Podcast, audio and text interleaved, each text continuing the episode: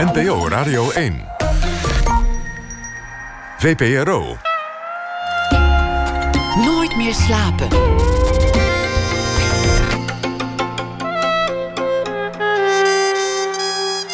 Met Floortje Smit. Welkom bij Nooit meer slapen. En straks rond half twee hoort u multidisciplinair kunstenaar Margriet Kraans. En zij gaat de komende dagen een diner koken dat bedacht is door een machine. Verder vat Ivo Victoria de voorbije dag eh, samen in proza. Maar eerst het eh, komende uur zit tegenover mij dus zo ongeveer tot half twee mode-illustrator Piet Paris.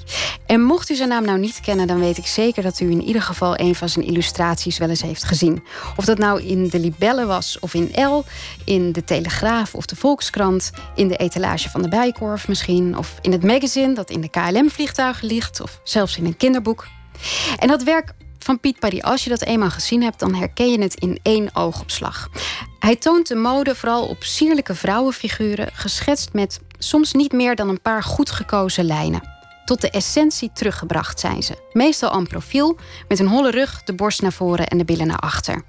Uitbundig en ingetogen tegelijk, schreef het parool ooit. Verleidelijk en Calvinistisch. Net zoals die naam dus, Piet Paris. Die bedacht hij op de modeacademie in Arnhem. Wereldberoemd moest hij worden. Dus de naam waaronder die werd geboren in Den Haag in 1962, het Hoen, die voldeed niet. Het werd ingeruild voor iets frivolers, iets dat beter moest verkopen. En wereldberoemd is hij nu. Hij werd bijvoorbeeld in 2008 eh, gevraagd door het eh, Amerikaanse warenhuis Saks om de aankomende trends te illustreren. En daarmee hing zijn werk in 54 eh, sekswinkels wereldwijd, van Dubai tot Mexico. En dat is slechts een van de vele internationale dingen die Piet Paris gedaan heeft. In Nederland was hij de eerste curator van de Arnhemse Modebiennale. Hij richtte tentoonstellingen in. Hij kreeg de Grand Seigneur, de hoogste onderscheiding binnen de modebranche. En zijn werk wordt momenteel opgeslagen in het Gelders Archief in Arnhem. Piet Paris, welkom. Nou, dat was nogal wat. En ik heb nog niet eens alles verteld. Dat is het erge.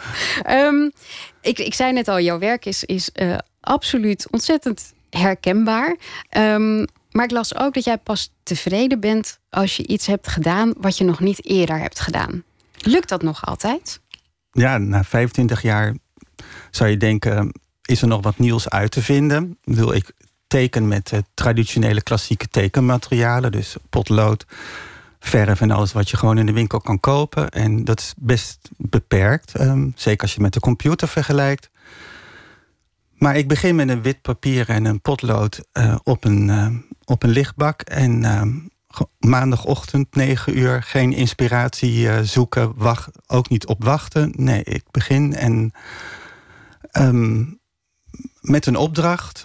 En um, dan blijf ik doorgaan totdat er iets gebeurt wat ik nog nooit eerder heb, heb gedaan. En dat is altijd eventjes afwachten. Dat dat duurt een paar uur. En dan, uh, gek genoeg, zit er altijd iets um, in de tekening... wat er nog nooit eerder in heeft gezeten. En dan, um, dan weet ik dat ik goed zit. En uh, dan ga ik ermee door. Maar je begint echt zonder een idee. Je begint gewoon met een papier en je zet een potlood erop... en dan ga je iets doen. Ja, ja. Er is, soms heb ik iets op mijn netvlies liggen of heb ik s'nachts iets bedacht in mijn hoofd. Maar um, vaak is het um, een kwestie van um, koffie en een potlood en een wit papier. En kijken wat de opdracht zegt. En, en dan is het best wel uh, een verrassing en spannend wat er uh, gebeurt. Ik heb natuurlijk wel een ervaring. En ik, ik, ik, ga niet zomaar een beetje freewheelen. Want uh, ja, het is meestal met een deadline. Ik bedoel, uh, zoals ik al zei, ik werk altijd in opdracht. En uh, hoe, hoe eerder op de deadline, hoe, hoe leuker het natuurlijk is. Dus ik ga ook niet urenlang enorm freewheelen en rare dingen doen. Maar ik denk dat je wel snapt wat, uh, wat ongeveer de insteek is. Ja. Ik heb gevraagd om, om iets mee te nemen. Zit daar iets uh, in de illustraties die je mee hebt? Zijn, zit daar iets, iets heel nieuws in? Kun je dat vertellen? Ja, nou, um, ik heb hier twee tekeningen voor me liggen. Eentje uh, waar ik het. Um, twee waar ik het het beste aan kan laten zien. Dus je moet je voorstellen, eh, modellen, fotomodellen of modemodellen hebben lange halsen. Um, dus die teken ik ook altijd. Een lange hals en een klein gelaat. En, want dat wordt als mooi ervaren. Um, dus jarenlang teken ik uh, vrouwen met lange halsen.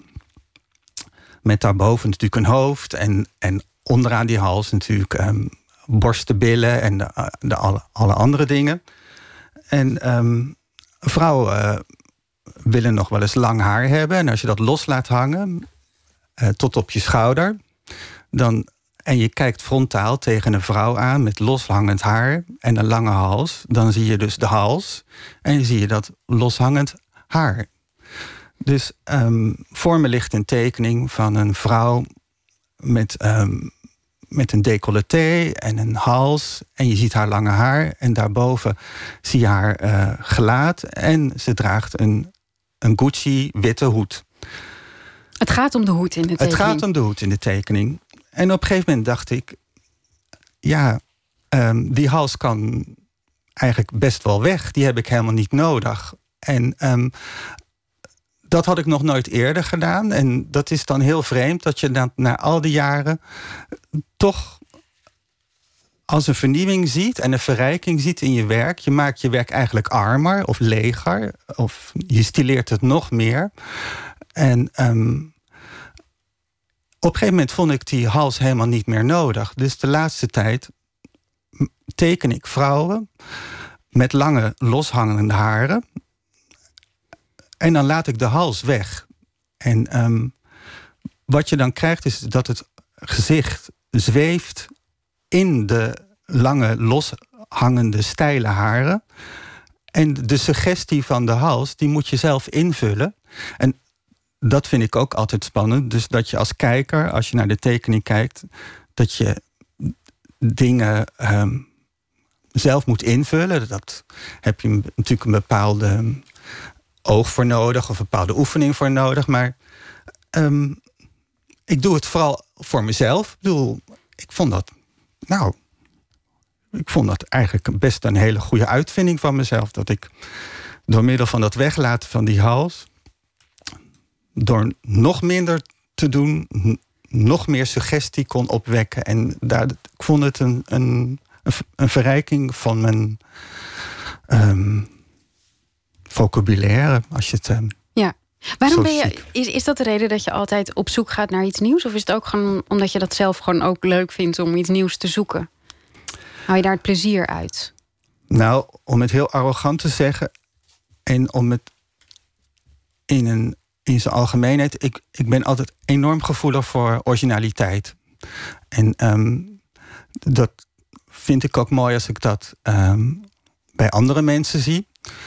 Um, in in het, uh, het andere werk wat ik doe, buiten mijn tekenen. En daar, als ik lesgeef bijvoorbeeld, dan moedig ik dat heel erg aan. En als je dus van andere mensen vraagt, zoals bij lesgeven, dan vind ik dat je dat ook bij jezelf uh, moet blijven zoeken. Dus um, de, de bevrediging um, voor mijn eigen werk haal ik ook erg in het, in het blijven zoeken naar originele invalshoeken, uh, waardoor ik mezelf ook blijf verrassen. Want uh, ik moet nog een, een een, een paar jaar mee. Dus ik, uh, ik denk dat dat mijn werk ook uh, uh, fris en fruitig. dat is een hele stomme uitdrukking. Maar, valt wel mee hoor, valt wel mee. je wilt het fris houden in ieder geval. Ja, en, en vooral voor mezelf. Want dan merkt de klant merkt het natuurlijk ook.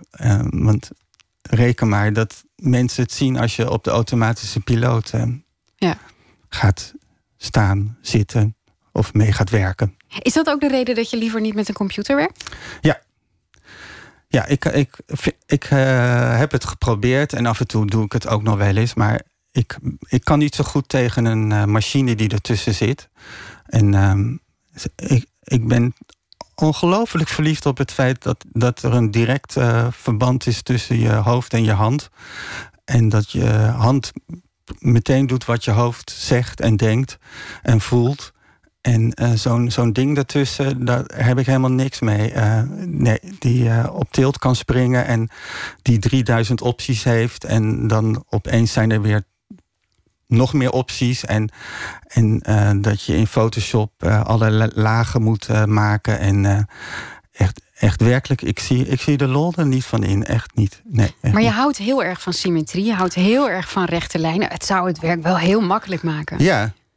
Nou, ik, ik weet het niet. Ik, uh, en over iets, iets praten wat ik, wat ik niet doe, dat vind ik dan heel. Vind ik misschien niet eens leuk. Maar um, mijn tekeningen zien eruit alsof ze op de computer gemaakt zijn. Maar um, illustratoren uit mijn netwerk die, die, over mijn, die iets zeggen over mijn werk, die hebben zoiets van: ja, wat jij maakt, zou, kan eigenlijk niet op de computer. Dat klinkt een beetje vreemd, maar um, is ook best lastig uit te leggen. En het wordt misschien een beetje te technisch ongezellig verhaal. En uh, ik vind de computer gewoon niet. Uh, ik vind het gewoon geen, geen mooi ding. Nee. nee. Het wordt er te gelikt van misschien. Ja. En ik, ik vind het fijn om een potlood te slijpen. En dat heb ik van mijn vader geleerd. En hoe een potlood ruikt als je dat slijpt. Daar, nou, daar ben ik verslaafd aan. Ik bedoel, uh, stop het in een, in een flesje en, en ik koop het. Ik bedoel, um, ik hou heel erg van de. van, um, van klein en van, van gefocust. En dat je daar zelf vat op hebt. En um, ik, ik merk ook dat, dat door de wereld is nu zo groot dat er ook heel erg behoefte is juist aan, aan, aan zo'n soort uh, focus en aan zo'n soort dynamiek. Dus dat, het, dat je juist die hele andere kant op uh, schiet. En ik merk ook dat ik daar speciaal voor geboekt word. Omdat die ene, je merkt dat die energie van, van, van, dat, ho van dat hoofd en die, en die hand, die zit toch in die tekening. Er zit, er zit een andere uitstraling in. Uh, dan, uh, dan in de computer. Je bent eigenlijk in, in al je werk ben je op zoek naar de, de perfecte lijn, de ideale lijn. Voel je hem als je, als je hem zet? Dat het goed is? Nou, dat is ook wat ik heel erg leuk vind. Dat, dat, dat schetsen. Ik bedoel, ik, ik, ben, ik ben namelijk niet een virtuoos tekenaar. Ik bedoel, um, ik heb nichtjes en neefjes en die vragen dan mij: kan je een olifant tekenen? Nou, dat is echt, daar, daar doe je me echt totaal geen plezier mee. Want ik kan niet in één keer een olifant tekenen. En zo is het met, met, mijn, uh, met mijn modetekenen ook. Ik begin en ik, ik uh, nou, noem het maar krassen en, en krassen en nog. En dan zoeken, zoeken, zoeken. En dan op een gegeven moment staan daar zoveel lijnen en zo, zoveel. Um, um, krassen op mijn papier dat haast onherkenbaar is uh, wat ik uh, aan het doen ben. En daarom werk ik op de lichtbak. Dan pak ik een nieuw papier en dat leg ik op die volle schets. Die is helemaal vol gekrast. En dan, dan trek ik over wat ik denk dat goed is. Dus dan filter ik, dan laat ik foute lijnen weg waar ik het niet mee eens ben. En dan pak ik nog een papier en dan nog een papier en nog een papier en nog een papier. En dan gaat wel. Nou, ik overdrijf nu een beetje, maar een half, halve pak A3 gaat er dan toch wel uh, doorheen. En dan hou ik op een gegeven moment, en dan ben ik zo'n beetje aan het eind van de dag klaar met schetsen, hou ik één klare lijn over. Dus dan staat er één zuivere um, lijntekening op mijn A3-papier. Uh, en um, die lijn die, die voel ik heel erg. Dat is ook grappig als ik dan later die tekening no nog een keer overdoe. Dan heb ik die lijn meteen weer te pakken. Dat, dat voelt dan alsof ik die, die heb ik dan helemaal mijn eigen gemaakt. Die is dan helemaal van mezelf. Dan, dan hoef ik dus niet alles nog een keer over te doen. Nee, die kan ik meteen zo dan wel. Um, en die bewaar ik en die koester ik en die, die hoort bij mijn repertoire. En dan. De, um, ja, bedoel, dat is toch een feestje om, om, om te doen op, op die manier. Om, om, om, um, om zo'n zo'n zo'n niche beroep, want het is modetekenen is natuurlijk toch ja, lekker belangrijk. Ik bedoel, en Beatrix heeft er ook niet om gevraagd. En Willem-Alexander al helemaal niet. Dus maar um, nou ben ik ook helemaal een beetje de draad Nee, je was aan het vertellen over die lijn. En dat je, dan heb je dus eigenlijk met één lijn... als jij één goede lijn hebt, dan heb je een goede dag gehad. Ja. Ja. Dan is het klaar. Ja, en dan, dan uh, laat ik hem tussentijds aan de klant zien. Die, die zwart-wit schets. Hij is dan nog niet in kleur. En dan krijg ik een akkoord of dan moet ik een aanpassing doen of, of um, whatever. En um, dan de dag daarna of de misschien heb ik nog een dag extra nodig. Dan zet ik hem om in kleur en dan bedenk ik hoe ik die ga omzetten. Of ik het met verf doe of, met, of gesneden papier. Of een combinatie daarvan. En, um, en dan kunnen er ook weer nieuwe dingen gebeuren die ik nog nooit eerder heb uitgevonden of bedacht heb. En um, nou, en dan is meestal in, in dag twee um, is, is die ongeveer wel klaar, ja. Ik vind het een mooi verhaal dat je, dat je dus al, al gewoon heel gelukkig kan worden van één lijn. Omdat volgens mij door je hele werk ben je steeds meer um, gaan zoeken naar de essentie. Eigenlijk is probeer je steeds meer dingen weg te halen in al je tekeningen. Ja. Ik heb, ik heb een, een hele mooie anekdote gelezen van Fiona Hering. Dat was toen jullie samen nog modeshows bezochten. Dat jij, dat zij zat haar hele notitieblokje vol te schrijven. Toen keek ze bij jou en je had een streep en een rondje gemaakt. En zei ze, wat betekent dat? En toen zei jij, dit is het Colbert met de ene knoop is terug. Ja, dat was dan de essentie van de collectie. En uh, ja, zo, zo denk ik en zo, zo um, zo heb ik mezelf um, ja, opgevoed of whatever. Maar dat is mijn manier van registreren. Dat um, ja, less is more. Ik bedoel, het is allemaal een beetje een open deur. Ik bedoel, het, dat is mijn school echt. Ik, ik ben erg.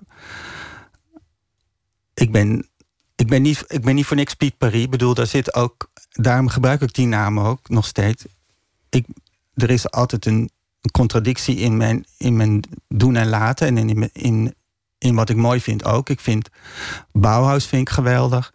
Maar ik kan ook enorm smullen van, uh, van een rococo of een, of een Versailles of noem maar op. Dus, um, en dat zit in Piet Paris natuurlijk ook. En, um, en uh, nou, Fiona was, was dit en ik was het ander. Dus ja, het, dat... Um, Mooi. Ik heb, uh, ik heb een, een boek uh, gekregen. Het is de monografie Piet Paris. En daar staat, um, en die vond ik dan zelf heel erg leuk. Daar staat een kindertekening van je in. Um, gemaakt op de eerste schooldag. Staat erbij Pieter Jan het Hoen. Gewoon nog onder je gewone naam. Want toen je vier was, had je die nog. Ja. En um, ik vond het een hele goede tekening. Oh ja? Ja. ja. Het is voor volgens mij een kleuter van vier. Is het, het zijn poppetjes. Het is goed getekend. Het is in de lijntjes ingekleurd. En het zijn nog complementaire kleuren overal ook. Oh ja, nou ja, op die manier uh, heb, is die tekening nog nooit bekeken hoor. En ik heb zelf geen kinderen, dus ik kan het ook niet zo goed vergelijken. Dus um, nou ja, het is leuk om te horen. En uh, ik, ik weet ook niet anders dan dat ik altijd getekend heb. Dus um, het betekent inderdaad dat je al goed geoefend bent. Dat je, dat je altijd al alles wat je zag hebt omgezet in beeld. Ja, nou, ja mijn vader was ook uh, een goede tekenaar. Dus um, van hem heb ik talent, uh, tekentalent. Dus um, ja. Hij deed een cursus, hè? las ik hier ja, ook in deze. Ja, mijn vader uh, was, was niet. Die deed als, hij heeft als hobby tekencursus gedaan. En hij schilderde zelf ook verdienstelijk. En uh, ik heb het. Uh, ik ben ook erg van het decoreren en, en van het versieren. En, en dat uh, met kerstmis en Pasen en allerlei. Als er maar een feestje was, dan was het hele huis van top tot teen helemaal versierd met allemaal geweldige dingen. En dan stond ik daarbij en ik hield mee. En uh, ja, wat dat, was een fantastische man. Um, ja. En, en je moeder? Mijn moeder. Um, ja, dat Ging is, die daarin mee?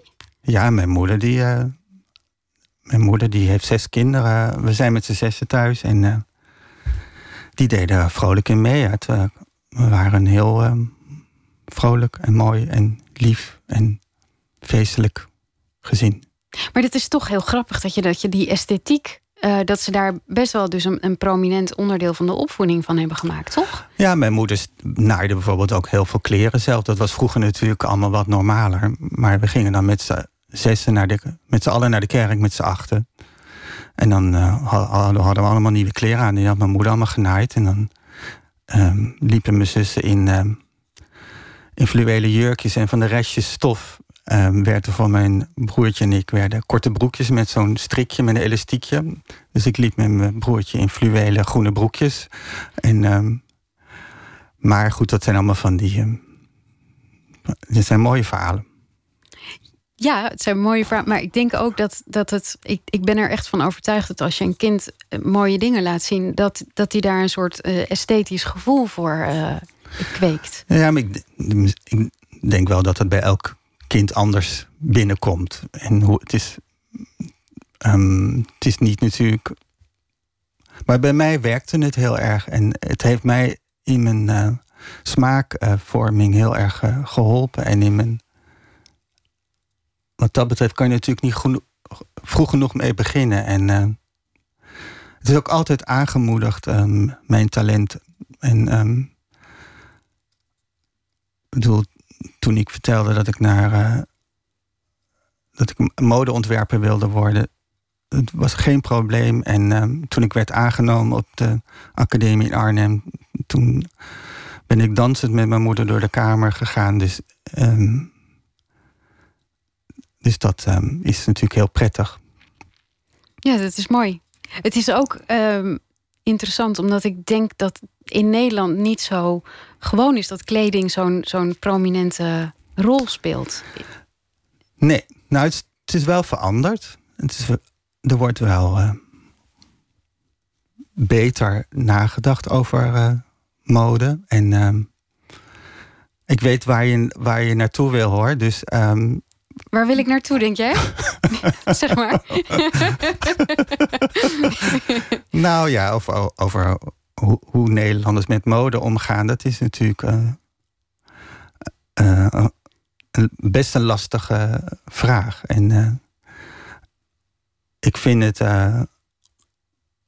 dan wordt het heel erg dat je het gaat spreken over modetheorie. En dat is, is als op zich niet mijn, mijn vak. Ik bedoel, ik ben iemand die ongelooflijk visueel is ingesteld. En juist dat onderwerp mode in zijn visuele aspect wil laten zien op een manier waarvan ik vind dat het een waardige uh, invulling heeft, mode. Dus ik, ga, ik wil graag mode laten zien op een manier, bijvoorbeeld in Harper Bazaar, waar ik voor werk, waar, dat het gaat over vorm en over kleur en hoe je met proporties in kleding om kan gaan. En, um, en dan ook nog eens een keer hoe het is op een model en hoe het model op de pagina staat. En net zoals ik in mijn tekenen ook met die, met die gegevens omga. Ik bedoel, dat, dat, um, dat is mijn manier om te vertellen dat mode heel veel um, waarde heeft en heel veel aandacht verdient. En, en dat het niet een alleen maar een rode loper uh, onderwerp is. Ja, want het gaat meestal meer over hoe, hoe het eruit. Nou ja, inderdaad. Het, ja, ik hou ook heel erg van die kant hoor. Ik bedoel, zet mij op een modefeestje uh, en uh, nou. Met een, met een glaasje champagne natuurlijk, want dat is er altijd ook. en ik heb dikke pret, want ik vind dat dat er ook bij hoort. Maar het is, mode is, is heel erg gelaagd. En economisch is het een van de grootste industrieën ter wereld. Dus het is, en het is een hele lelijke industrie, maar het is ook een hele mooie industrie. Dus het is zo complex in, zijn, in al zijn soorten en in al zijn maten. Um. Wat bedoel je eigenlijk met lelijke industrie? Nou, het is, het is keiharde business. Het gaat uiteindelijk alleen maar over geld. En um, tegenwoordig heel erg. En het is. Um, je hebt een enorme dosis marketing en doorzetting en investering nodig. Wil je als ontwerper je, je zelfstandige visie uh, kunnen laten zien. En um, ik ben enorm blij dat ik niet modeontwerper ben, want dat is echt zo'n enorm moeilijk eh, beroep. En, Omdat het ook meer is dan tekenen alleen. Het is niet... Ja, het is een heel complex hoor. Het begint al bij, bij stoffen inkopen en die komen, komen dan te laat. En nou, je wil niet weten. En dan blijft de doos bij de douane staan. En, en dan heb je nog niet eens op patroontekenen gehad. En ach, dus je wil niet weten. Het is zo'n arbeidsintensieve, complexe toestand. En je, je wordt er natuurlijk hard op eh, afgerekend als het niet uh, goed is. Ja, het is keihard. Ja. Het is keihard. Ja. Um, ik uh, praat na het journaal strakjes verder met Piet Paris. En we krijgen nog een kijkje in de keuken van Margriet Kraans... die samen met een robot kookt. En de Vlaamse schrijver Ivo Victoria die leest voor... wat hij bij het nieuws van de afgelopen dag heeft geschreven. Dat en meer strakjes na het nieuws van 1 uur.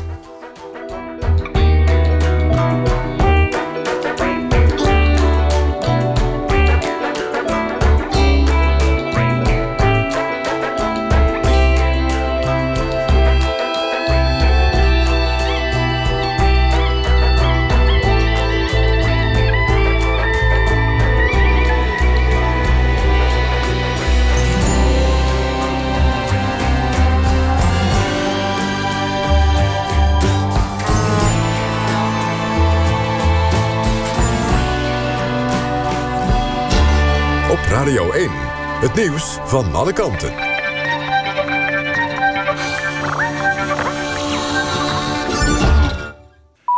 1 uur, Ewout de Jong met het NOS-journaal. 122 lidstaten van de Verenigde Naties hebben ingestemd met een anti-kernwapenverdrag. Het komt neer op twee derde van de VN-leden. Ze doen dat vanwege de verwoestende en rampzalige gevolgen die gepaard gaan met het gebruik van kernwapens. De stemming werd geboycott door alle landen die zelf kernwapens hebben en door vrijwel alle NAVO-landen. Die zien meer in versterking van het non-proliferatieverdrag tegen verdere verspreiding van kernwapens. Ook Nederland stemde tegen. De Turkse vicepremier Turkes zegt dat hij niet naar Nederland komt om een toespraak te houden.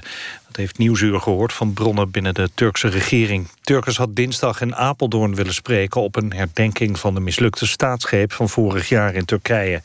Het kabinet had laten weten dat hij niet welkom was. De herdenking mag wel doorgaan. In een rijtjeshuis in Eindhoven is een drugslab ontdekt. In de woning lagen onder meer 200.000 ecstasypillen. Het hele huis werd gebruikt als drugslab... en de politie denkt dat er miljoenen ecstasypillen zijn geproduceerd. Het is niet bekend hoe lang het lab al in bedrijf was. Volgens de politie was er geen direct gevaar voor omwonenden. De politie was over het drugslab getipt door buurtbewoners. Een leerling uit een welvarend milieu krijgt mogelijk vaker een dyslexieverklaring dan een kind uit een armer gezin of een gezin met een migratieachtergrond. Dat blijkt uit een nog beperkt onderzoek dat het ministerie van Onderwijs heeft laten doen. De vraag was waarom steeds meer kinderen de diagnose dyslexie krijgen. Mensen met dyslexie hebben moeite met lezen en schrijven. Het ministerie benadrukt dat harde conclusies nog niet te trekken zijn... omdat er nog geen uitvoerig onderzoek is gedaan. Het weer, toenemende bewolking en in de noordelijke helft van het land misschien een beetje regen. Minimaal rond 15 graden. Ochtends nog een enkele bui, in de middag droog met wat zon. Daar staat weinig wind en het wordt 20 tot 26 graden. Dit was het NOS Journaal. NPO Radio 1. VPRO. Nooit meer slapen.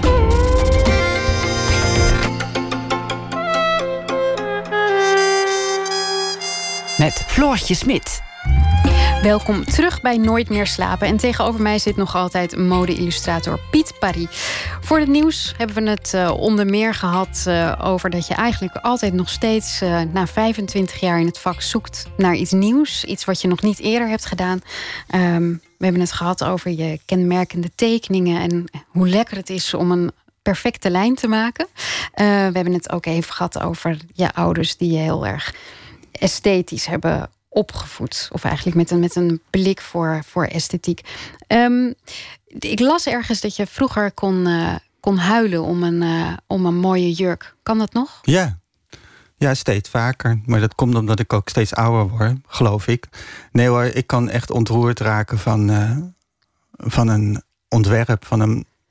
En um, van, ja, makkelijk gezegd, van een jurk of. Um, bedoel, als je op je elfde al weet dat je iets in de mode wil.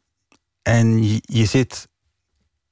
En dat zit ik nog steeds bij shows in Parijs en Milaan. Ehm, gelukkig steeds vaker op de eerste rij. Um, zei ik heel erg. Um, is ook wel fijn trouwens. Als je wat wil tekenen, dan is het wel fijn dat je vooraan zit. Nou ja, dus van je elfde tot nu. En dan dat je opeens met je neus bovenop um, op de catwalk zit. En um, je ziet dus wat de ontwerpers hebben gemaakt. En um, nou, daar kan je echt stil van vallen. En daar kan je enorm van gaan schreeuwen. En dat, dat roept emoties op. En de, de mooiste momenten vergeet je ook nooit. En um, die, daar, die heb ik gelukkig heel vaak uh, gehad. En die heb ik ook nog steeds. Ik bedoel, het ontroert... Noem er eens één. Oh, ja, voordat John Galliano zijn grote faux pas maakte bij Dior... heb ik echt de meest geweldige shows van John Galliano gezien.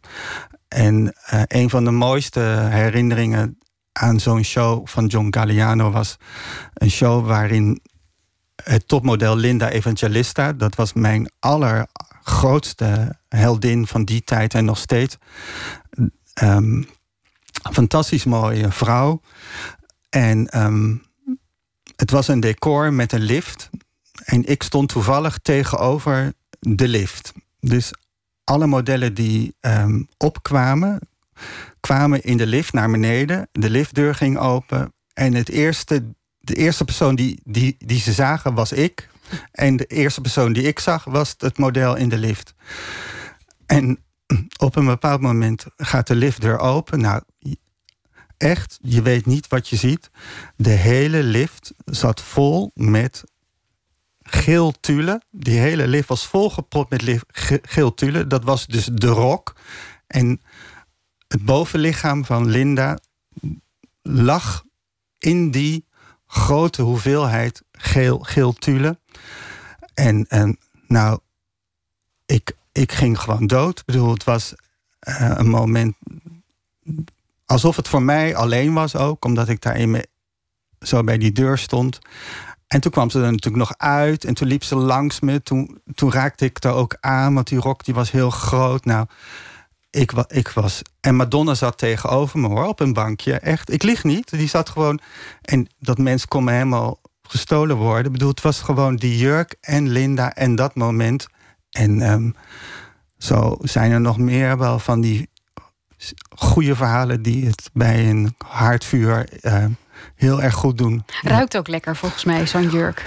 Ja, en het beweegt en, en um, en je ziet haar achterkant, je ziet haar lopen. Niks gaat boven een, uh, een, een, live show. Ik bedoel, met internet krijg je allemaal filmpjes en la la la. Maar je moet, als je het ziet in het echt, met de muziek erbij. En je ruikt het ook inderdaad. En uh, je, je, uh, je, voelt ook hoe de zaal is. Dat is ook heel erg waar, je, waar je door meegenomen kan worden. En um, daarom is, is het ook nog steeds die, die, die shows. En ehm, ja, ik, ik vind zelfs slechte shows geweldig.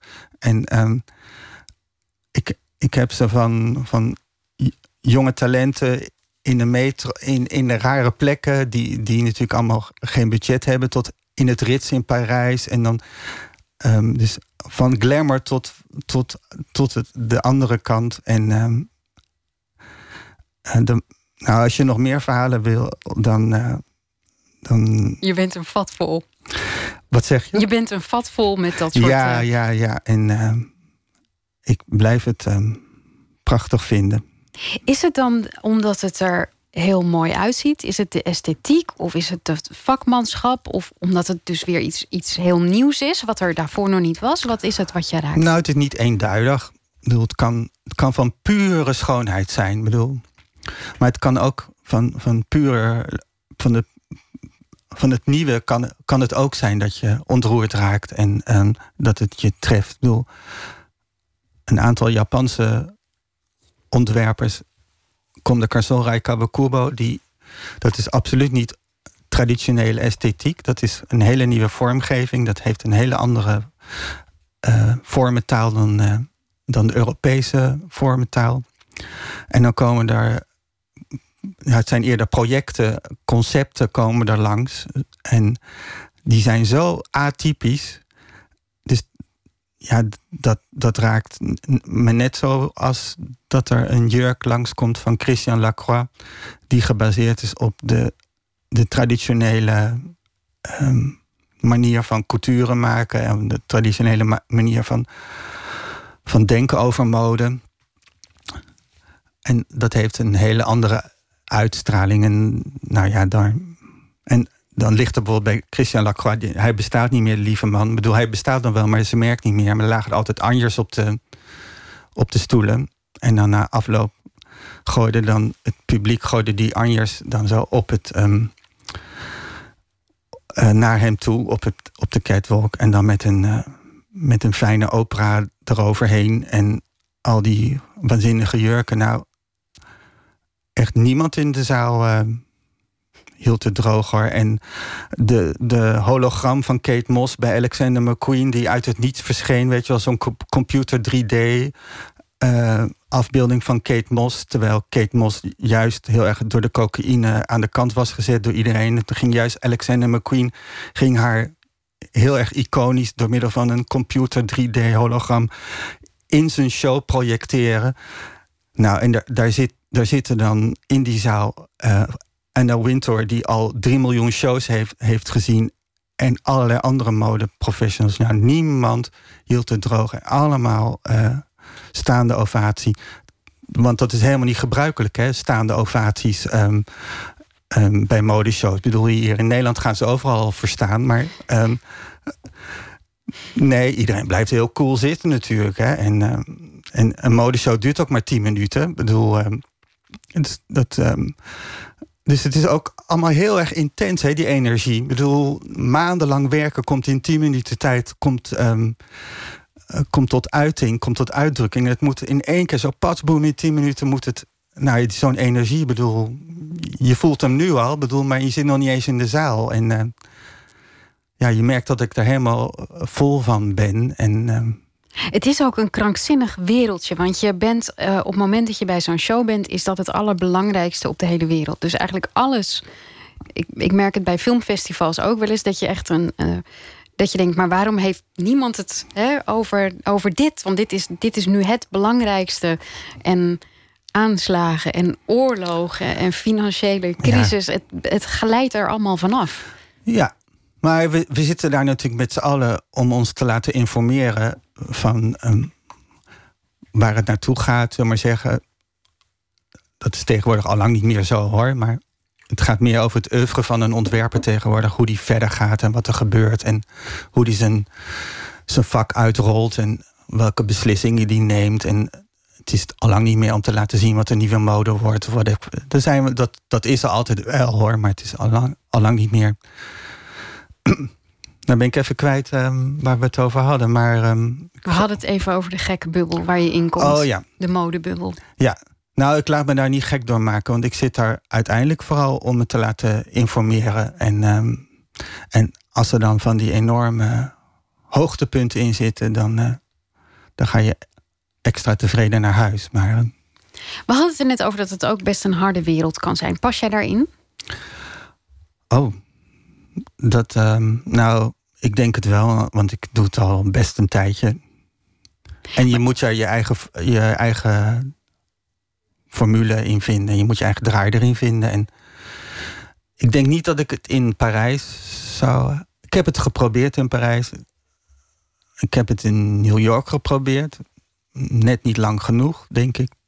En Milaan zou ook niet lukken bij mij. Dus het grappige vind ik dat je volgens mij bekend stond als, als heel introvert en, en heel verlegen. Mhm. Maar als ik kijk naar uh, je carrière en hoe je dat hebt opgebouwd, ben je iedere keer vol bravoure overal op afgestapt. Ja, ja noem het gezonde ambitie of zo. Ik weet het niet. En ik, ik vind ook dat je je talent iets verschuldigd bent. Ik weet niet of ik dat in de juiste volgorde zeg, maar je, ik vind dat je je talent niet moet verspillen. en de dosis talent die ik heb, vind ik dat ik die heb ik ehm,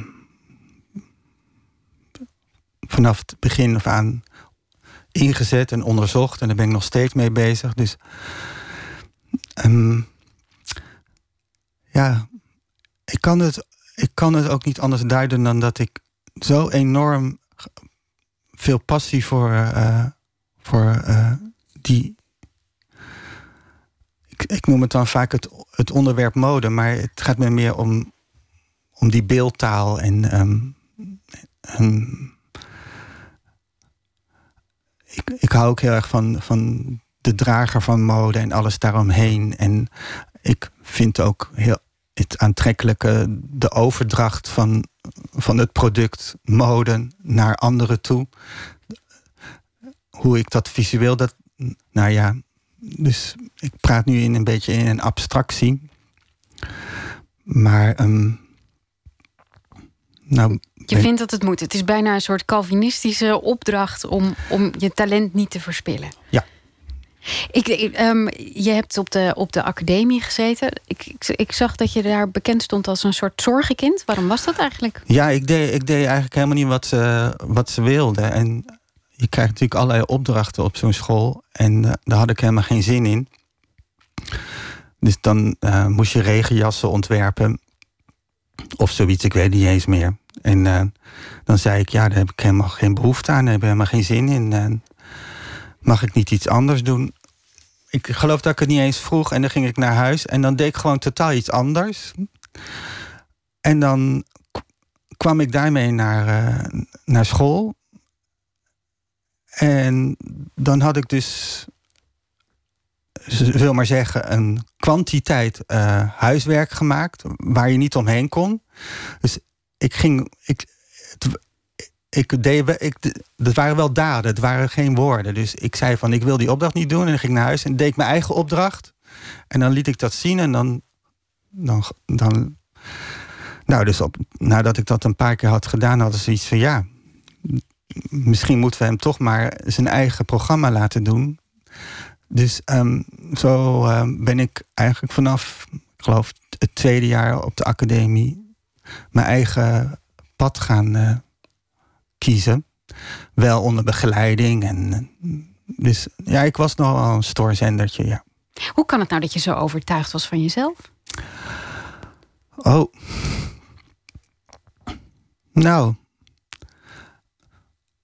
Ja, misschien is dat toch dat ik denk dat ik het beter weet. Of, of ik denk dat het ook heel erg met voelen te maken had. En um,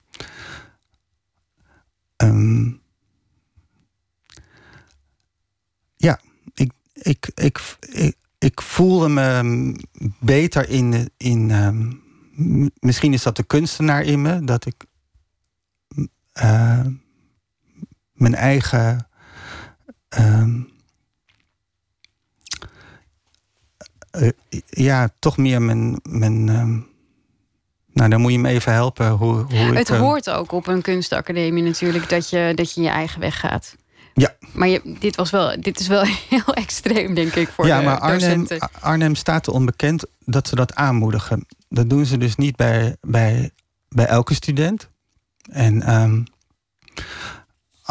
als je je kan verantwoorden uh, hoe jij het wil, dan moedigen ze dat aan. En um, zo is dat tekenen bij mij ook altijd aangemoedigd op de, op de op de academie. Ik heb ook een tekenprogramma gevolgd naast modeontwerpen. Want ik weet ook hoe ik moet stikken. Ik weet ook hoe je een jurk moet maken. Ik kan er, ik kan er geen reet van, maar ik heb het allemaal geleerd. En um, dus dat tekenen werd aangemoedigd. En dat, um, dat, dat averechtse gedrag werd uiteindelijk aangemoedigd. En juist ook gestimuleerd. Van nou, als je dan zo graag je eigen ding wil doen. Nou, doe het dan ook wel eventjes zus en zo. En dan moet je er ook wel even, ja, uh, um, dan moet je er wel even, echt wat van maken. En, en, en um, destijds uh, was de hoofddocent Elie Lamaker van de afdeling, die was daar heel erg goed in. En um, dus En die filosofie heerst er nog steeds. Ehm. die heeft dit eigenlijk, daardoor kon je eigenlijk opbloeien tot je eigen weg vinden. Ja, nou, ehm, wat ook heel erg een leuk verhaal is, is mevrouw Lamaker. Die uh, gaf heel graag tekenles. En die had daar ook allerlei um, definities over. Ze vond bijvoorbeeld dat je nooit met zwart houtskool mocht tekenen. Want dan maakte je bij voorbaat um, de kleren vies. En um, vieze kleren, dat is geen mode, dat, is, dat mag niet. Dus, en in, in mijn derde studiejaar ging mevrouw Lamaker met pensioen. En toen heb ik een jaar lang zo vies getekend met de meest smerige materialen en met zwart en met bruin. En, um, dus ik ben blij dat ik dat ook weer van op twee manieren heb meegemaakt. En, um, dus dat, er zijn natuurlijk regels. En regels zijn natuurlijk ook om, um, om tegenaan te schoppen. En daar heb ik wel gebruik van gemaakt. Je bent maar dwarsig. ja. We moeten even naar muziek. Uh, Aaron Livingstone die uh, treedt op onder de artiestennaam Son Little.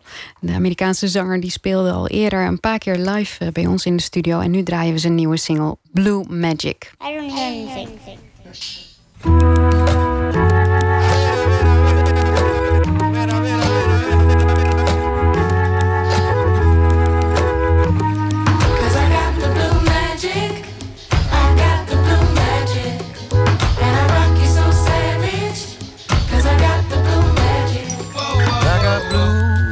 tragic. Probably 44 moons or more. I don't wanna count how many days I've been dragged all around the floor. I don't wanna be a bad man, but I'm a bad man just the same.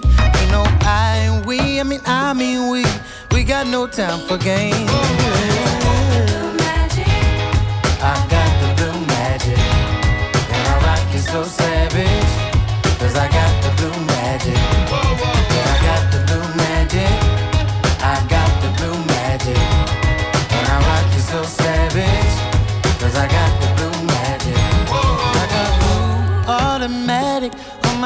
Trip around the sun. Now I got the blue in Spanish. Damn, I'm always on the run. I don't wanna be a bad man, but I'm a bad man just the same. Let me know if you can manage, cause I got no time for games. Yeah. I got the blue magic. And I rock you so savage, cause I got the blue magic.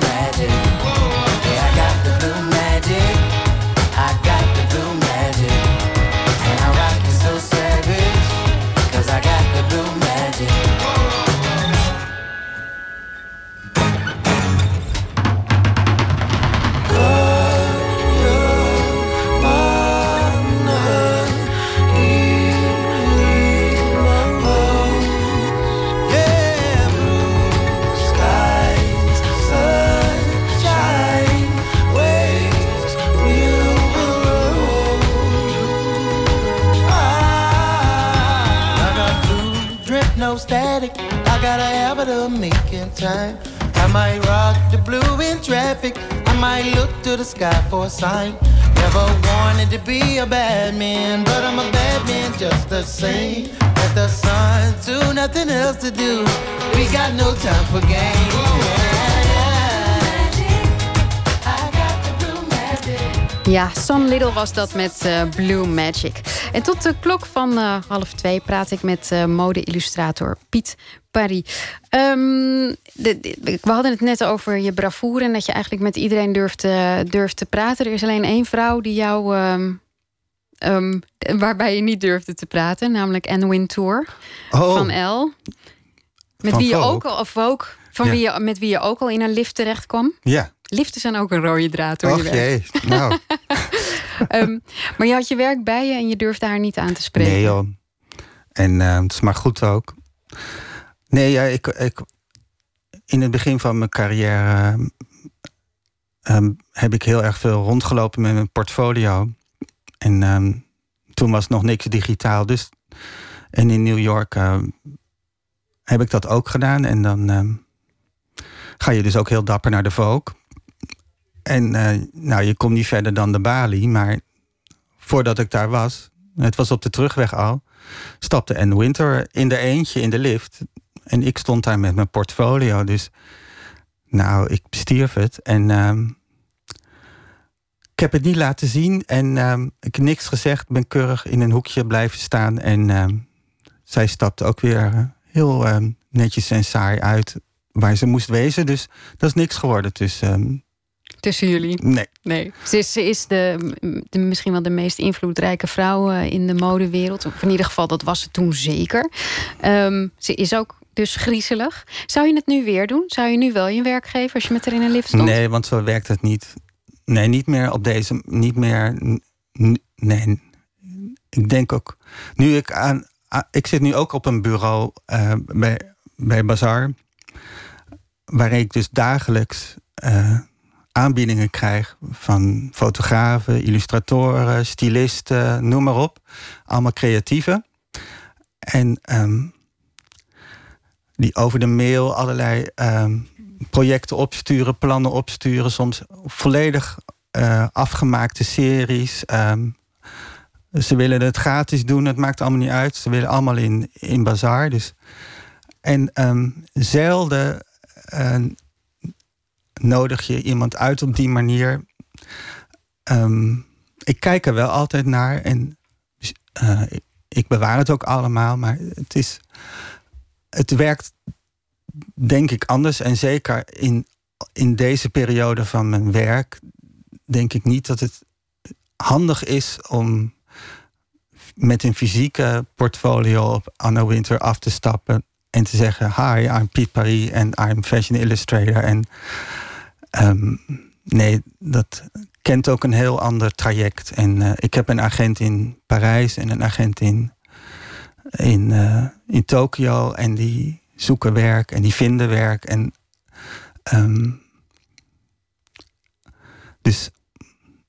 Je hoeft niet meer langs de deuren met, uh, met het werk. Wat je vroeger toch wel gedaan hebt. Ja, ja heel veel heb ik het vroeger gedaan. En um, ik doe het nu ook wel, maar meer met, mijn, met mezelf. Ik, bedoel, ik, ben nog, ik ga nog wel netwerken. En, uh... Ja. Is. Um, um, um, je, je, want ik, ik denk eigenlijk dat ze je natuurlijk wel kent. Je werk in ieder geval wel kent. Nee. Nee, denk je niet? Mevrouw Winter, nee. Ja, maar die leest toch ook, die, die houdt het toch ook bij? Of Nee, Misschien ben ik heel naïef. Maar wat ik wilde zeggen eigenlijk is... je bent nu eigenlijk wel wat je vroeger wilde. Je wilde vroeger heel graag wereldberoemd zijn. Nou, dat ben je. Uh, je wilde vroeger dat mensen zouden zeggen... oh, dat, deze tekening is typisch Piet. Daar ben je nu ook. Wat, wat wil je nu dan nog? Nou, ik ben nog helemaal niet wereldberoemd hoor. Ik bedoel, dat kan nog wel een stukje beter. Uh, dus um, daar wil ik nog wel een eind uh, sprint in maken. Of ieder geval een tussensprint. Of nog gewoon een klein sprintje. Dus daar wil ik me toch ietsje meer op gaan focussen. En um, wat betreft mijn tekenwerk. Sluit een beetje aan waar we in het begin van, van het verhaal over hadden. Ik, ik denk dat het nog droger en nog leger en nog dat het nog meer gefocust en nog meer weglaten. Nog meer essentie, nog puurder, nog essentiëler. Um, ik, ik denk dat het, dat het wel weer iets rijker kan worden in zijn materiaal uh, uitdrukkingen. Um, dus daar wil ik ook nog wel een, uh, een tijdje aan werken. Um, dus als ik het zo hardop zeg, dan, uh, dan krijg ik zelf gewoon een beetje zo'n rilling. Dat is, ik, dat ik haast denk van ik wil het morgen mee beginnen. Weet je, ik, ik heb nog steeds iets in mijn hoofd dan, um, of waar het ook zit, waarvan ik denk dat daar kan ik, daar, daar, dat heb ik nog niet uh, aangeraakt. En, um, maar het is nooit in, in de 25 jaar dat je nu werkt dat je er gewoon wel eens genoeg van had, van het tekenen. Het tekenen zelf. Zeg ik best snel, hè? Nee. Ja. ja. Nou ja, het is natuurlijk een. Het is, je bent in principe best perfectionistisch. En het is, je hebt heel veel opdrachten gehad. Dus het is ook heel erg druk. Er komt veel stress bij. Ik kan me best voorstellen dat, dat wel eens te veel is. Ja, nou dan is het eerder dat ik moe ben of dat ik eh, weer te veel belasting moet betalen of whatever. Maar van het, van het werk zelf of van het, van het maken van tekenen, tekeningen, nee, nee. En ben je nog nerveus voor een opdracht? Ja. ja oh ja? Ik, ja, ik doe de laatste tijd veel werk voor Victor en Rolf. En um, dat zijn hele spannende opdrachten. En dat zijn ook grote opdrachten. Het zijn ook mooie opdrachten. En die vallen precies op het goede moment, deze periode, dat ik me daar ook uh, waar in kan maken. En, um, en ja, dan vind ik het wel, dan vind ik het wel heel erg spannend hoe de, hoe, hoe de klant reageert. En um, wat grappig is, want Victor en Rolf zijn dus de klant, maar die heb jij zelf nog les gegeven. Ja, maar dat kan ik me niet meer herinneren. Dat, dat, um, Rolf kan zich dat nog herinneren, en, maar ik niet meer. Dus, um, ik, eh, ja, dus ik heb ze les gegeven, maar ik weet, kan me niet meer goed voor de geest halen. Nee. En nu werk ik voor, eh, voor, voor, nu werk ik voor ze, ja. En wat, wat doe je precies nu, of mag je dat allemaal niet zeggen? Nou, het, ze, jawel. Um, uh, ik maak tekeningen um, voor hun uh, parfum. Dus um, ze hebben een nieuw parfum op de markt gebracht deze zomer. En daar heb ik een tekening voor gemaakt. Filmpje voor gemaakt. Een, een animatiefilmpje. Dat heb ik niet zelf gedaan, want dat moet je op je computer doen. Maar dan maak ik een heel, heel veel tekeningen. En dan iemand maakt daar dan een filmpje van. Dus um, nou, dat is heel spannend. Nou, dan kunnen we dat uh, in ieder geval uh, van jou nog zien. Hartelijk dank, uh, Piet Paris, voor dit gesprek. En heel fijn dat je bij ons wilde zijn nou, deze nacht. Wel.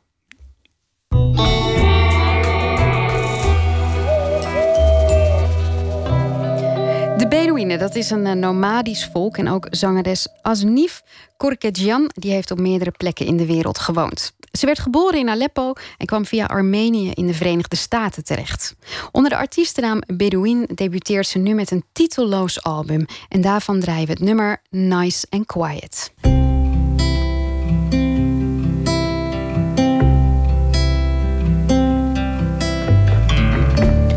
After all, isn't it the time that we make? And all the innocence we give and we take. I've tried so hard to be there for you. It seems it may mean disappearing for you.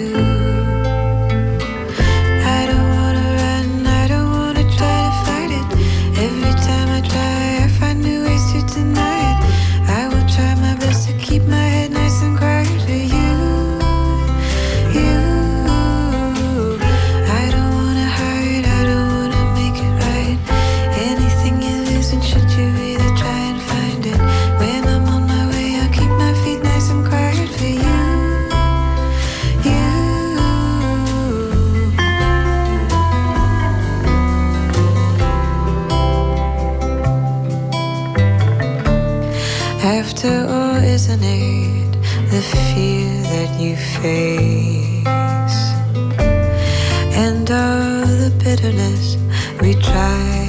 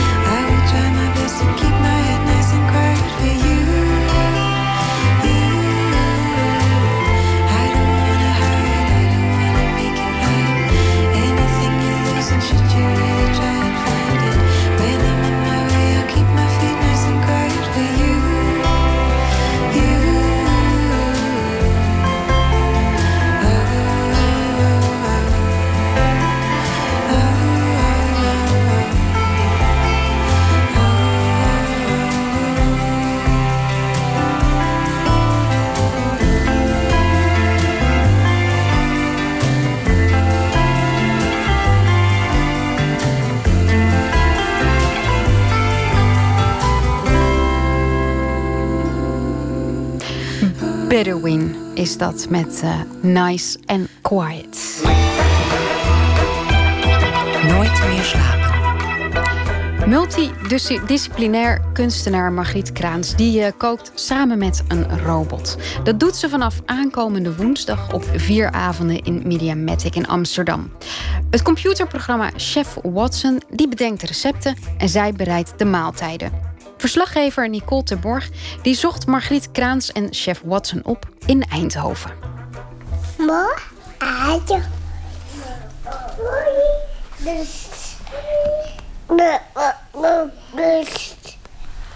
Alexa, play some children's songs on Spotify. Children lullabies from Spotify.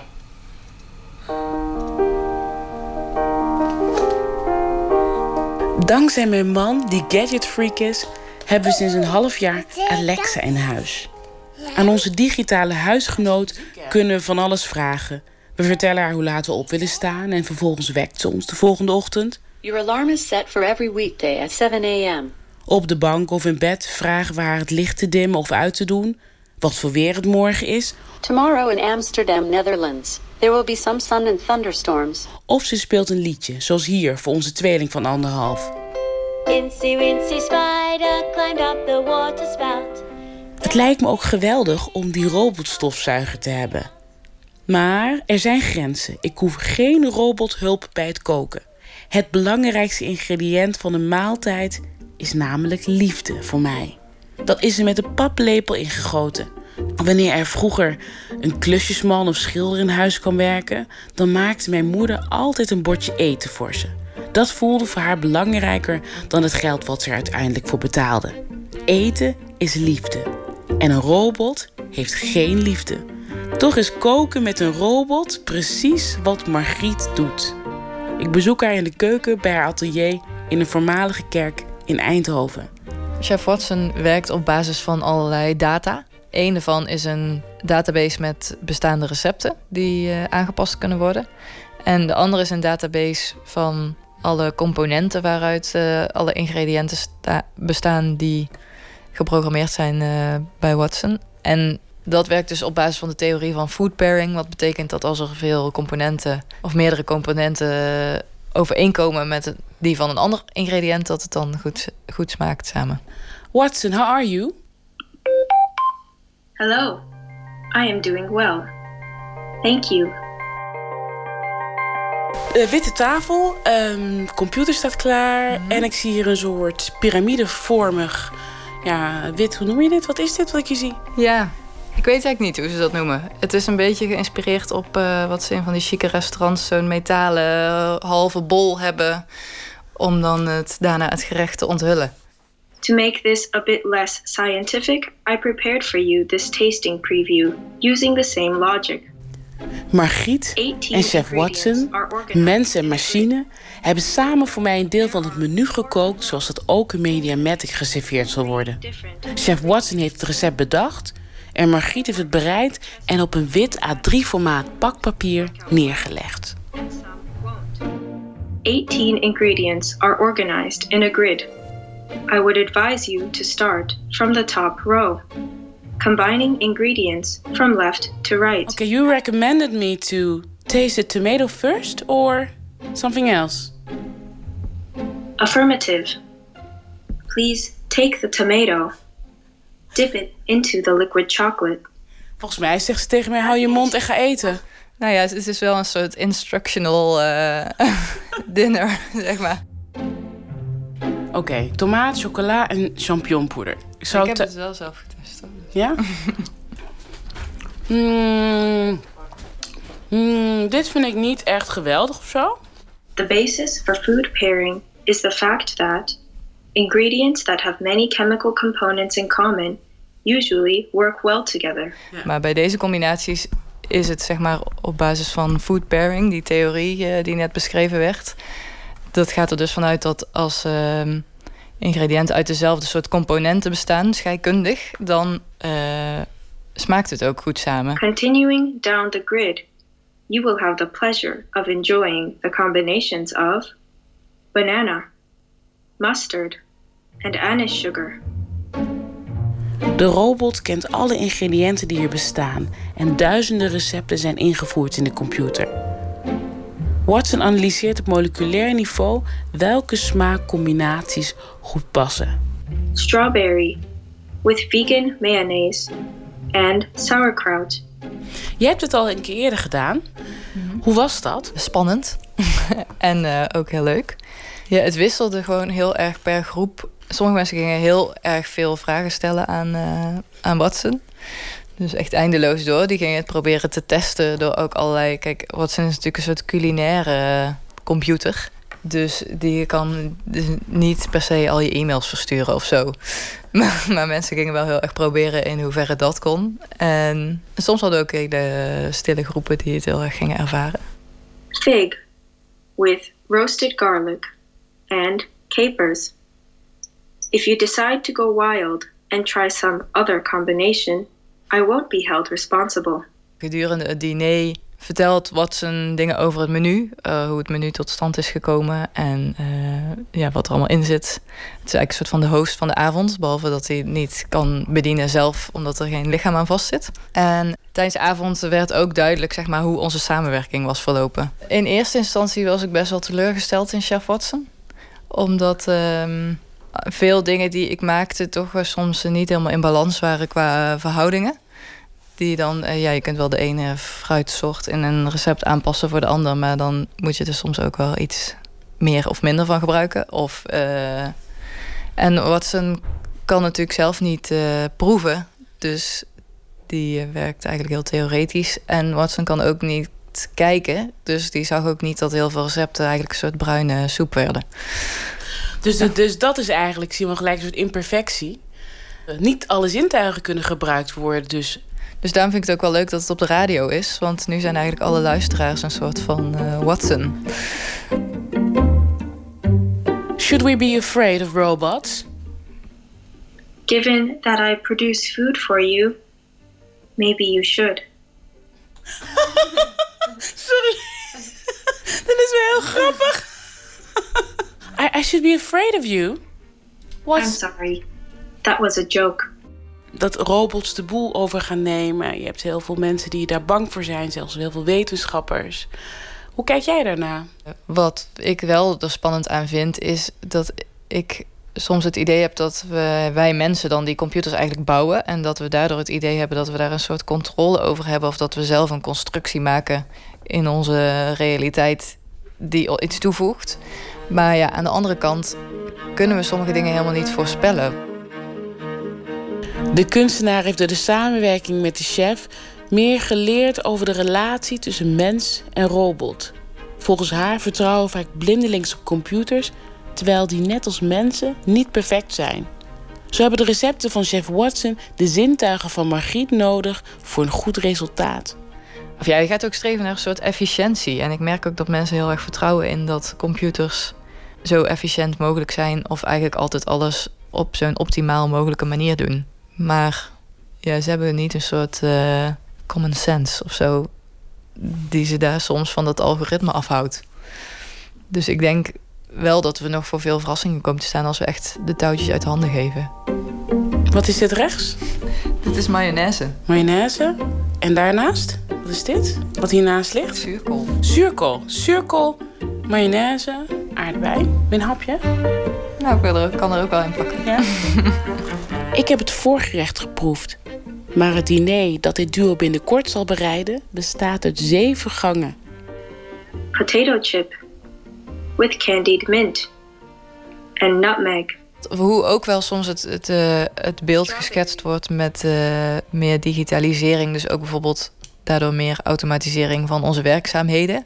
Is dan, dan wordt er vaak een soort uh, een utopisch beeld geschetst dat omdat wij dus al die uh, werkzaamheden niet meer fysiek hoeven doen, dat we dan heel veel tijd overhouden om dan met elkaar kunst te maken en te filosoferen en sociaal te zijn. Terwijl je ziet ook inderdaad dat het sociale leven zich ook steeds meer verplaatst naar het digitale.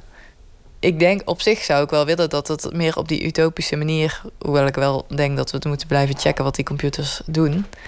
Maar ik vind het wel soms jammer dat mensen inderdaad in hun scherm zijn gedoken. Dat als je op de lift ergens staat te wachten en hij is er nog niet, dat iedereen zijn smartphone uit zijn broekzak haalt. Ja, misschien lopen we wel de liefde van ons leven mis... doordat we in ons telefoontje kijken de hele tijd. Hè? Ja, maar ja, en aan de andere kant vind je de liefde van je leven misschien via Tinder.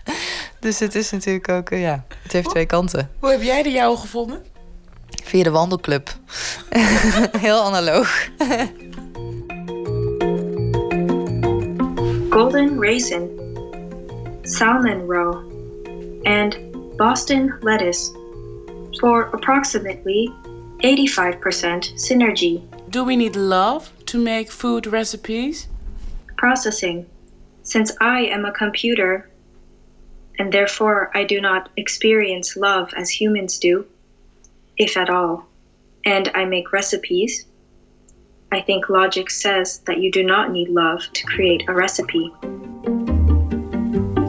Ja, u kunt dat uh, zelf allemaal proeven. Me en Chef Watson is uh, van 12 tot en met 15 juli in Mediamatic in Amsterdam. U hoorde een bijdrage van Nicole Terborg.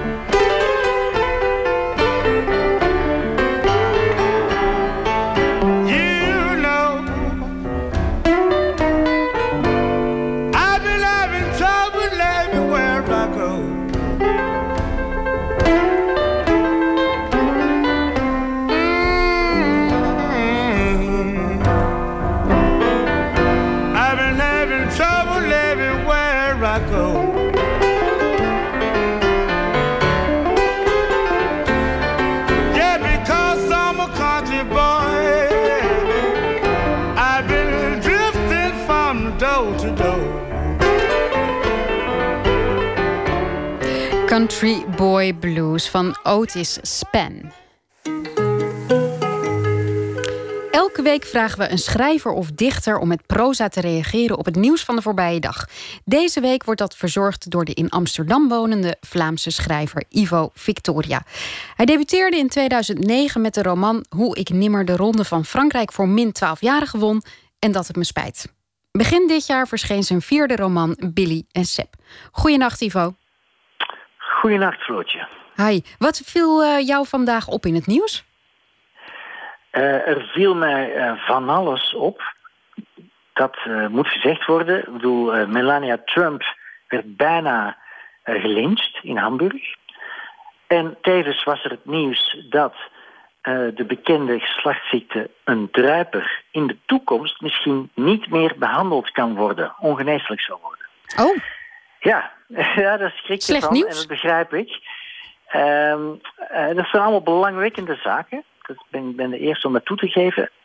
Maar ik wil het vandaag uh, of vannacht graag wat dichter bij mezelf houden. Als jij het goed vindt. Ik vind dat goed. Wil je er dan ja. nog verder iets over zeggen of wil je gewoon meteen gaan lezen? Uh, ik, ik, wil daar nog over zeggen dat mijn dag gedomineerd werd door het gevoel jarig te zijn. En dat was ook zo. Oh, gefeliciteerd. Dat had ik natuurlijk gewoon moeten weten. Nee, natuurlijk niet. Niemand weet dat. Oh, je en, houdt het geheim? Uh, zo meteen zal duidelijk worden waarom. Ah, laat horen. Om 8 uur 47 vanochtend ontving ik een felicitatie-sms van mijn broer. Een puikenprestatie, omdat ik weet dat mijn broer net zo weinig om verjaardagen geeft als ik. Maar, toegegeven, ook ik heb zijn verjaardag met een herinneringsalert in mijn agenda geprogrammeerd.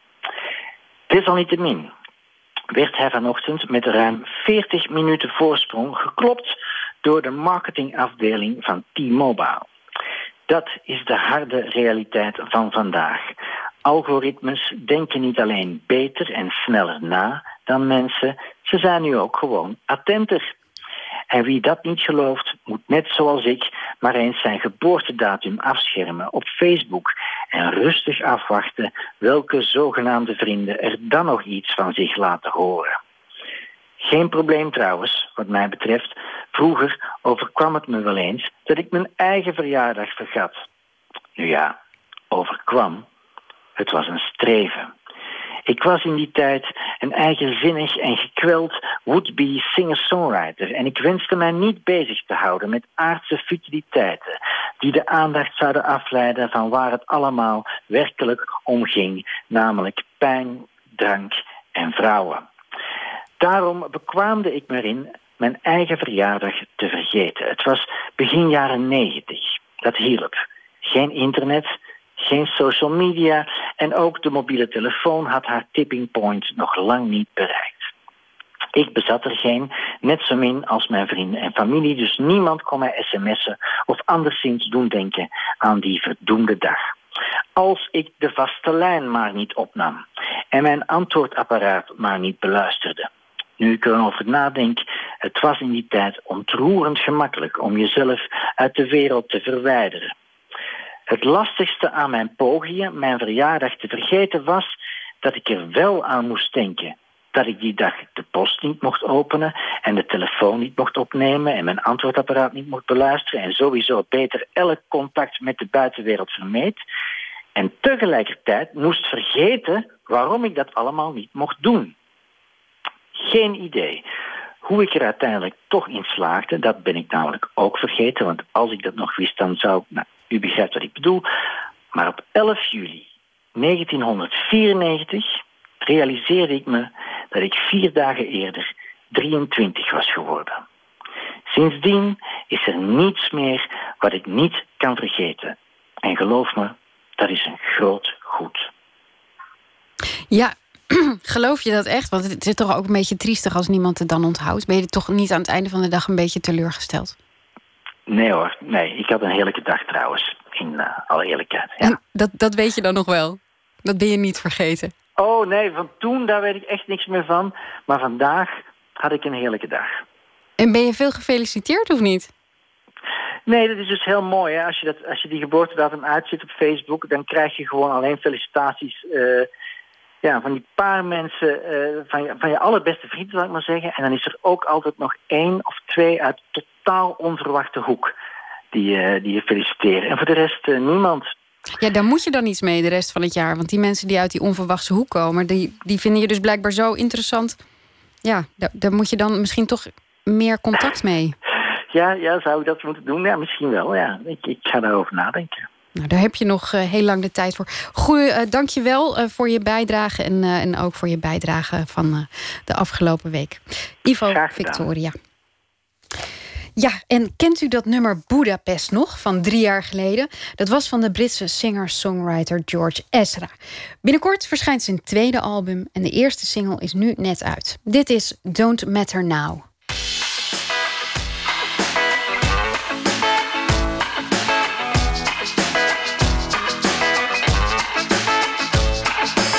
Sometimes you need to be alone. Shut the door, unplug the phone. Don't matter now. Speaking a language they don't know. It don't matter well, I don't think about that stuff. No, I don't think about that stuff. It don't matter now.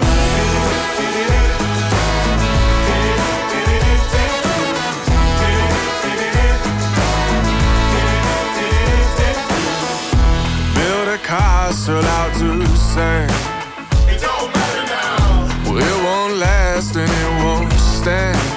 It don't matter now. But with a suitcase in your hand. It don't matter well. I don't think about that stuff.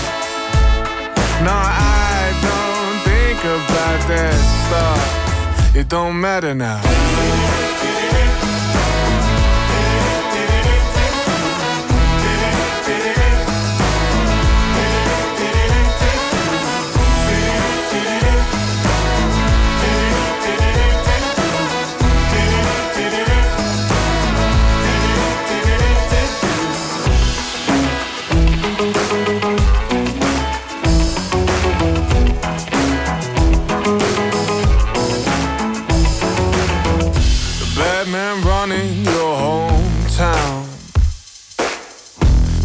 Your way on through the crowd. It don't matter now. Change your name, you won't be found. It don't matter. Well, I don't think about that stuff. No, I don't think about that stuff. It don't matter now.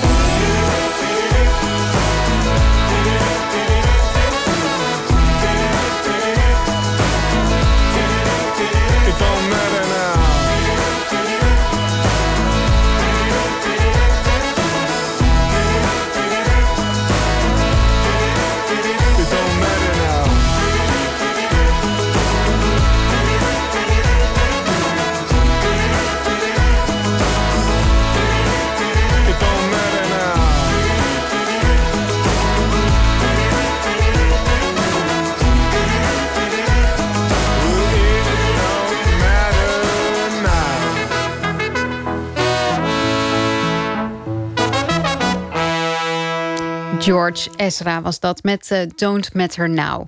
En dan gaan we verder met één minuut een serie vol wonderlijke verhalen in 60 seconden. De bijdrage van vanavond heet Die Stem. Pst, één minuut. Ik hoor die stem en ik wist echt niet wie dat was. Is it absolutely inevitable? In het Engels, met een verschrikkelijk accent, echt Indiaas Engels. En ik zat te luisteren en... Uh, ja, Prem Matira. Dat deed, dat deed iets. Yes. Mm, dat was Bakwanders. En uh, op een gegeven moment, uh, jaren later, uh, ging hij dood. En hij had al wel eens gezegd: als ik er niet meer ben, dan moet je of maar een andere meester zoeken of je moet het zelf doen. Nou ja, ik had toen het idee van: dan doe ik het zelf wel. Nou ja, daar is niet veel van terechtgekomen daarna uh, is toch op een gegeven moment de magie heel snel minder geworden. Eigenlijk was het gewoon afgelopen.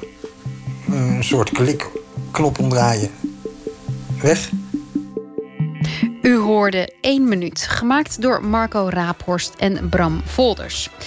Dan vertel ik nog iets uh, over maandag. Dan uh, schuift Joshua Nolet aan bij Pieter van der Wielen.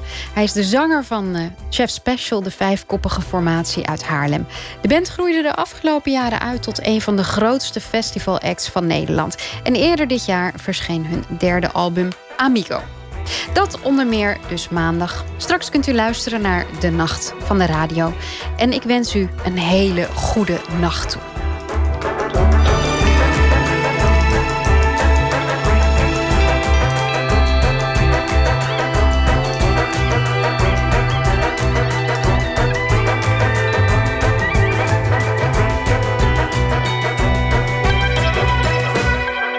Radio 1, het nieuws van alle kanten.